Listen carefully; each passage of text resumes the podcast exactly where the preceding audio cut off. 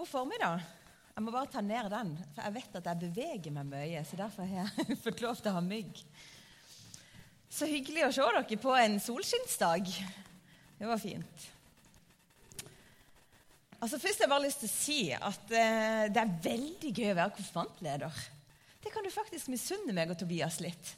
Fordi at eh, Allerede så syns jeg det er liksom blitt et sånt høydepunkt. som Jeg, eh, jeg gikk hjem fra eh, vår samling på torsdag og tenkte jeg, det er mulig dette er noe av det gøyeste jeg gjør i jobben min. Så eh, det har jeg bare lyst til å si, jeg er veldig glad for denne gjengen og denne dagen. Eh, å kunne presentere dem. Og så er det sånn at vi er i en serie, en sånn taleserie for du som eh, ikke har vært her før. Vi er i en taleserie som handler om fellesskapet i, Krist, i Kristus. Og det handler om å være kirke. Hva vil det egentlig si å være kirke?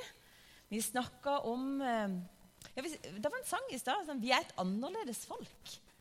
Ja, Det har vi egentlig snakka om. Og hva betyr det?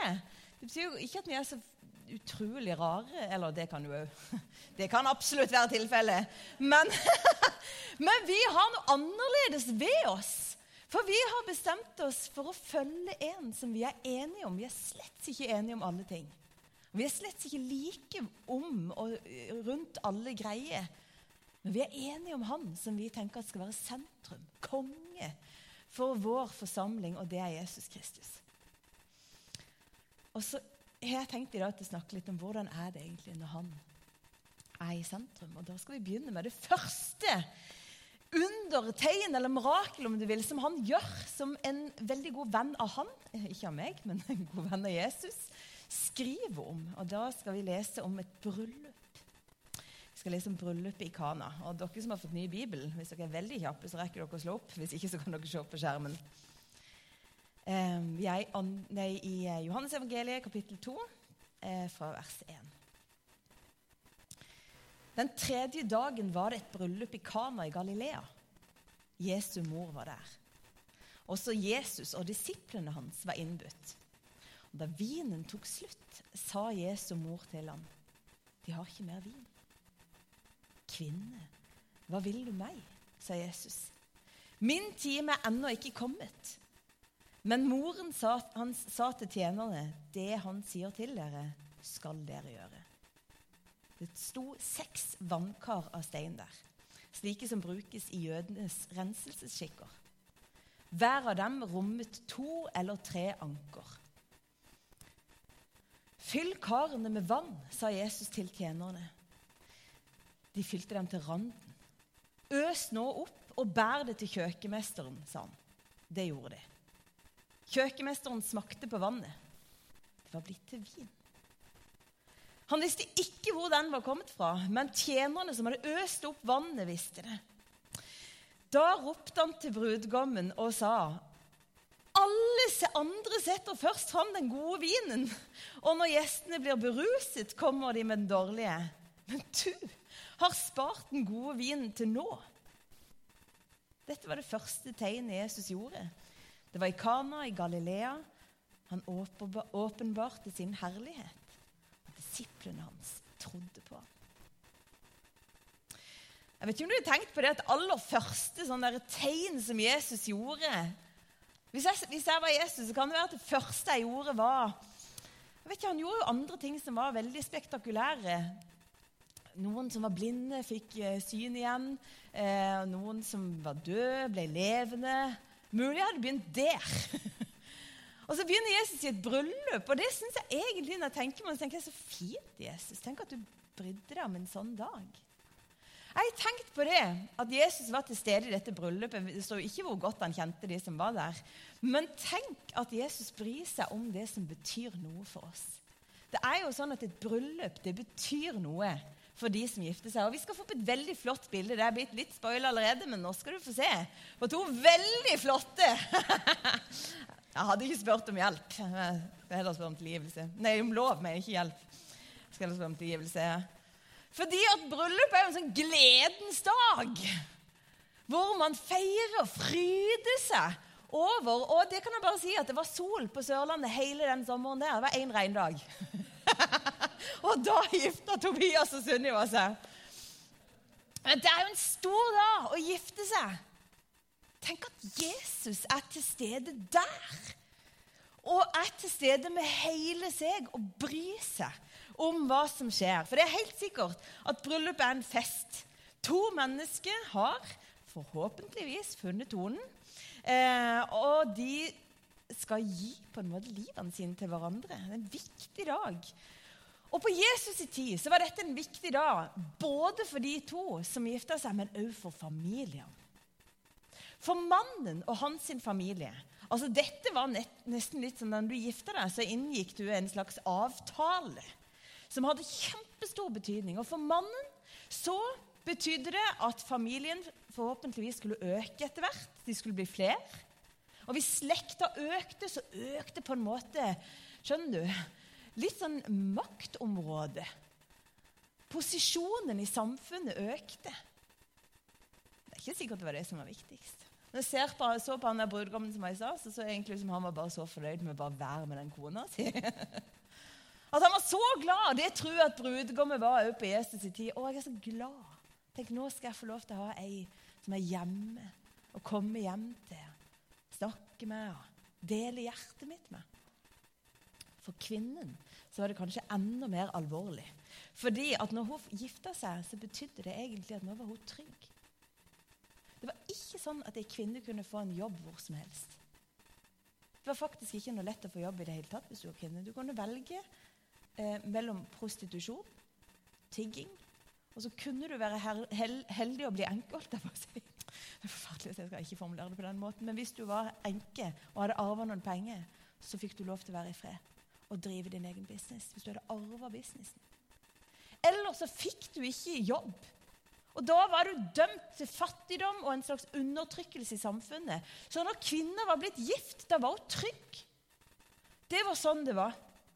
Da hadde hun et vern mot det alle farene som var i samfunnet. Det var ekstremt viktig å bli gift. For familien hos henne betydde det at de ikke hadde det store ansvaret for henne lenger.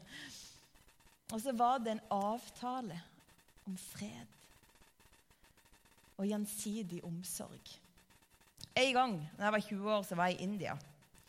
Og Da ble jeg invitert i et bryllup til noen jeg aldri hadde møtt.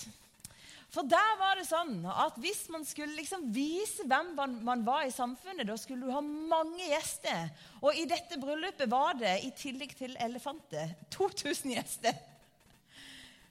For det var bare pøse på å ha mye. Mye elefanter, mye gjester, mye mat, mye drikke, mye plass, mye lyd, mye farge. Da var du vellykka. Hvis det kunne gå gjetord om, om det etterpå, i landsbyen eller byen du var, da Altså Da hadde du på en måte etablert det. Og folk tenkte at du var noe. Noe bra noe. Og sånn var det nok å feire bryllup i Kana. Det handla om sosial status. Det handla om at det skulle være vellykka. Hvis bryllupet var vellykka, så var på en måte familiene sikre på at ryktet de sitt var godt. Og så var det bare det at alt gikk ikke etter planen. Så vi kom ikke bare inn i et bryllup. Vi kommer rett inn i en krise. Og der er jo på en måte en egen sånn situasjon. Hvor er det Jesus kom? Jo, han kom inn i festen, og han kom inn i krisen. Han kommer inn der. Og krisa er jo at det er ikke mer vin. Ja, hvorfor var det ikke mer vin? Har Du tenkt på det? Var det fordi at de var så dårlige til å beregne? De var altså så dårlige til å beregne, denne familien. Veldig dumt enn ikke du kan regne. Det var veldig dumt. Eller var det det at de hadde Hadde de drukket litt for mye? Hadde de forsynt seg litt for mye før? Hadde de forsynt seg litt for fort under festen? Hva var greia? Var det folk som var litt for glad i å drikke mye vin her? Eller, eller var det det at de bare hadde ikke råd til alt de hadde planlagt? Så hadde de tatt seg litt sånn der eh, vann eller vin over hodet? Er det det som er situasjonen? Hvorfor er det ikke nok vin? Og i hvert fall, Det vet vi ikke, men det er Maria som sier det.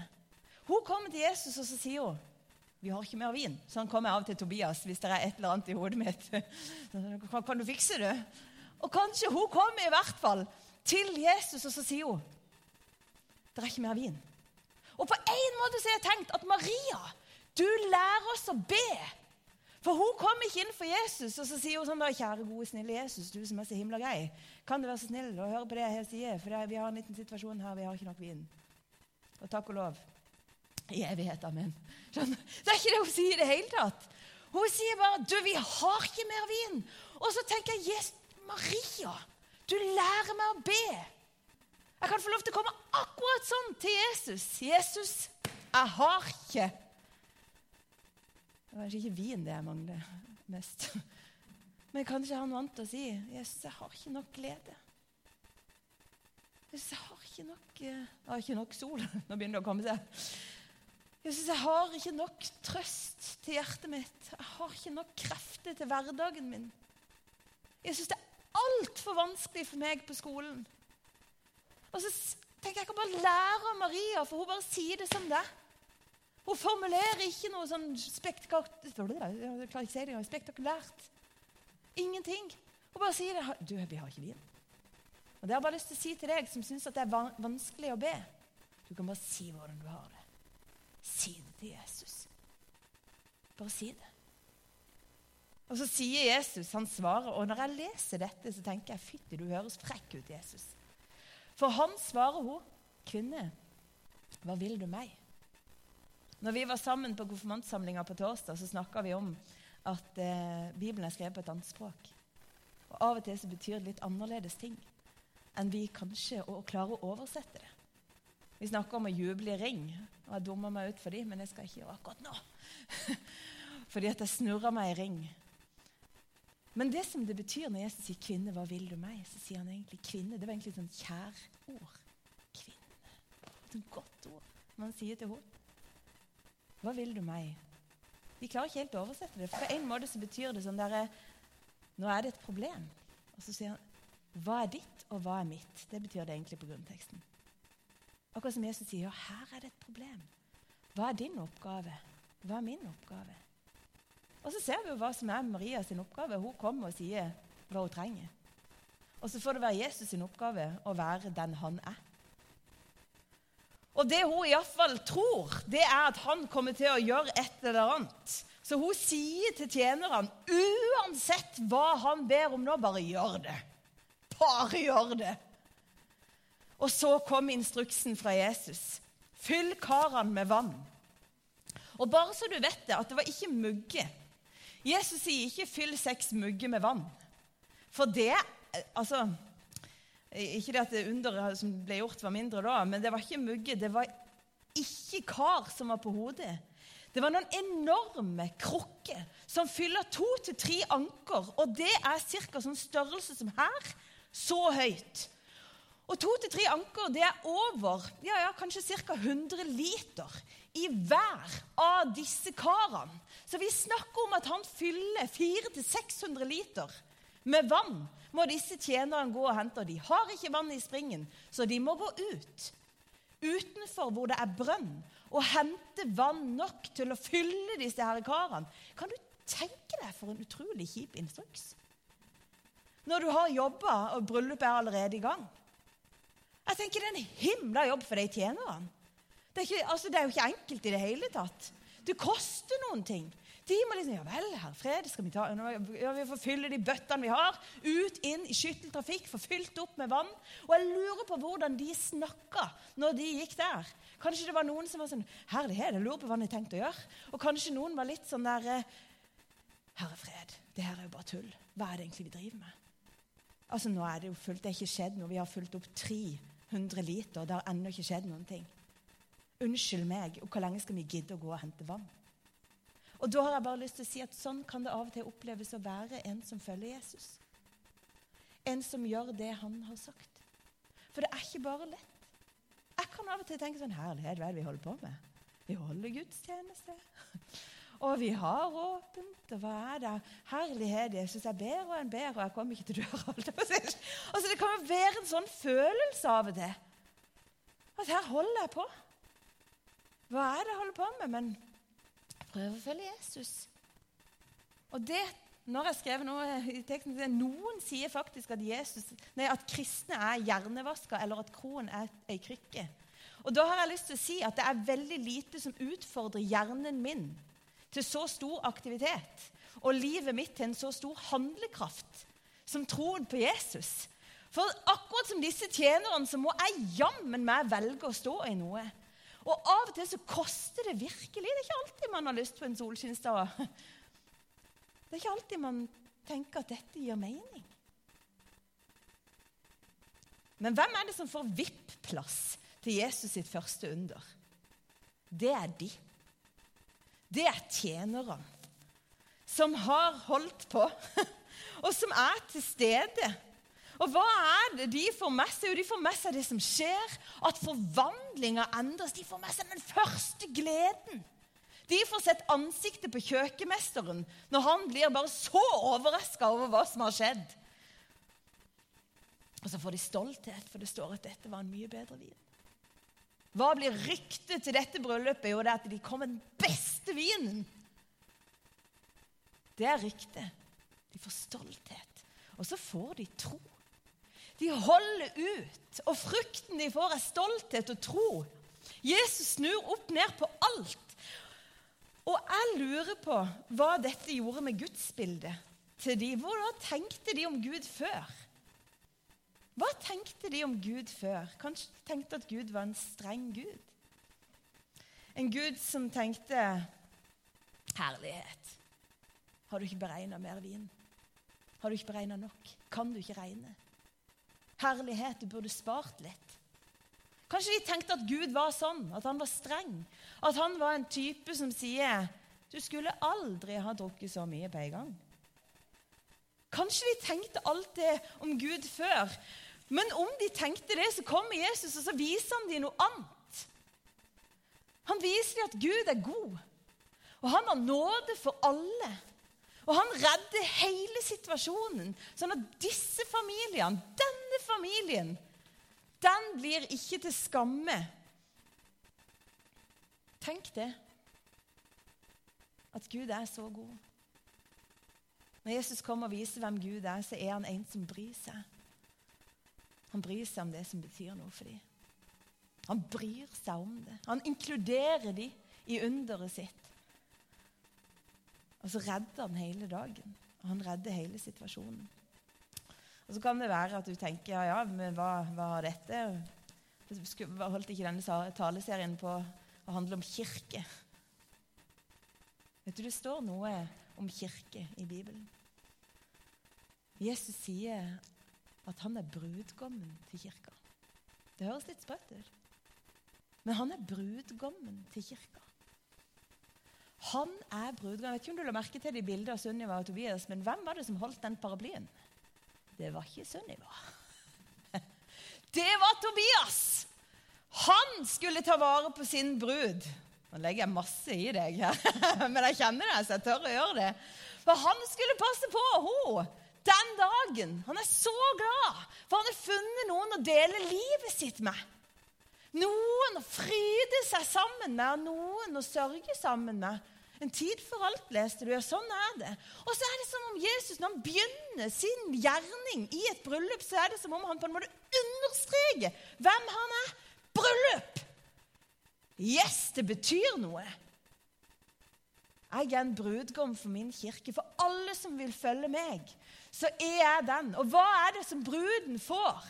Hun får et vern.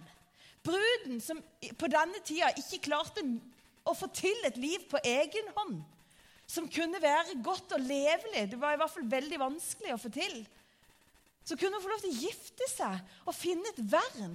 Noen å hvile hos, noen å ha et hjem hos. Noen å finne det hun trengte hos og sammen med. Og hun kunne få noen å dele hjertet sitt hos. Noen å, å sovne hos og hvile hos. Det er noe vakkert. Derfor er det så vakkert at Jesus sier til kirka Jeg vil være for deg som en brudgom. En som tar vare på deg. Og det betyr jo ikke Vi vet at vi er i denne verden. Her er det av og til kjempefint og av og til kjempevanskelig å leve. Og midt i denne verden og i denne hverdagen så har vi en Jesus. Vi har en brudgom i himmelen som bryr seg om oss, og som vil gi oss Det er jo det fine, vet du. Jeg skal ikke snakke for dere, for dette vet jeg ikke noe om. Av og til er det delt økonomi. At bruden får det som brudgommen har, og det er i hvert fall det som Jesus gir. Han gir alt han har. Hva er det han gir? Vin. Du, det kan være at du blir litt stressa over at jeg snakker så mye om vin. Og I konfirmasjonstida skal vi etter hvert snakke om alkohol og rusmidler. Bibelen sier noe om det her. Og jeg tror det er kjempeviktig. Snakke seg selv, med seg sjøl og sine nærmeste og med Gud. Om gode grenser i livet. For noen så betyr det kanskje å være avholds. Men i Bibelen så har vinen en symbolikk. Det betyr noen ting. Vin er forbundet med glede, med fest med en sånn tilstand hvor det er frydefullt og godt å være. Når krigen var over, så feira de. Det er klart det var det vin. Når det var høytid og noe, og på en måte løfte opp. Vinen, det er I Bibelen så er det en sånn glede forbundet med det. Og det tenker jeg når Jesus kommer inn. Og det er vann. Og jeg skal ikke kimse av vann, for det holder folk i live. Og, og, og, noen av oss liker å drikke det òg, og det er fint. Men det er som om han sier, 'Hør nå her. Det som du syns er helt smakløst, det vil jeg fylle med glede.' Jeg vil fylle deg med glede, du som kjenner på at du har tomhet, og du har ikke nok, det er ikke mer igjen. Nei, men da tror jeg at Jesus er han du trenger. For han er nemlig den som kan vise deg hvor du skal gå, og som kan få gjøre det underet at gleden får en helt ny plass i livet ditt. Det tenker jeg var det som de snakka om etter det bryllupet. der. var veldig flott. Fin brud, flott brudgom. På et tidspunkt der så var det litt tamt. Men så ble det ny glede. Det ble oppsving på det bryllupet. Og det tror jeg er en hilsen til oss. Vet du hva? Jesus, han kan glede. Han er kilden til glede. Kilden til fred. Gud er kjærlighet. Og så står det i Bibelen at en dag så skal vi feire bryllup. Jesus har gjort det umulig. Det er helt umulig å gjøre vann om til vin. Det er jo ikke umulig hvis du har ingrediensene, men å gjøre det med et under som han gjorde, det er umulig. Og Jesus har gjort det umulig mulig. Og der skal jeg avslutte med å si at på Golgata kors så gjorde han det største under av alt. Han åpna veien inn til selve gleden til himmelen for oss. Vi får lov til å leve sammen med han nå. En dag skal vi få lov til å feire et evig bryllup. Til å ha glede i en evighet sammen med ham. Det er det kristne håpet. At Jesus er til stede i ditt liv. Vet du, Han er til stede i din fest. Han bryr seg om det som betyr noe for deg. Og så er han til stede i din krise når det ikke fungerer. Han er til stede i dine relasjoner. Og han er den brudgommen som vil ta vare på deg, og som vil hjelpe å fylle dine tomme kar. Han er den som vil gi deg glede. Du kan få lov til å komme som Maria, så kan bare si det som er. Det er ikke mer vin. Jeg, Jesus, jeg mangler venner. Jesus, jeg har ikke Jeg har ikke dette. Han. Han er her. Nå skal vi be. Jesus, takk for det, at du er hos oss. Du er hos oss, og du bryr deg om hvordan vi har det. Og du bryr deg om det som er viktig for oss. Og du har omsorg for oss. Og du kjenner livene våre. Og ber deg, Jesus, vis oss hvordan vi kan leve med deg. Takk at vi kan få lov til å bare si hvordan vi har det. Og så ber jeg om at du skal fylle på. Fyll på med glede, Herre. Fyll på med liv. Med overflod. Jeg takker for at det sto der at det ble mer enn nok. De fikk mer enn de trengte, Herre. Takk at du vil fylle våre liv sånn at vi har nok. I Jesu navn.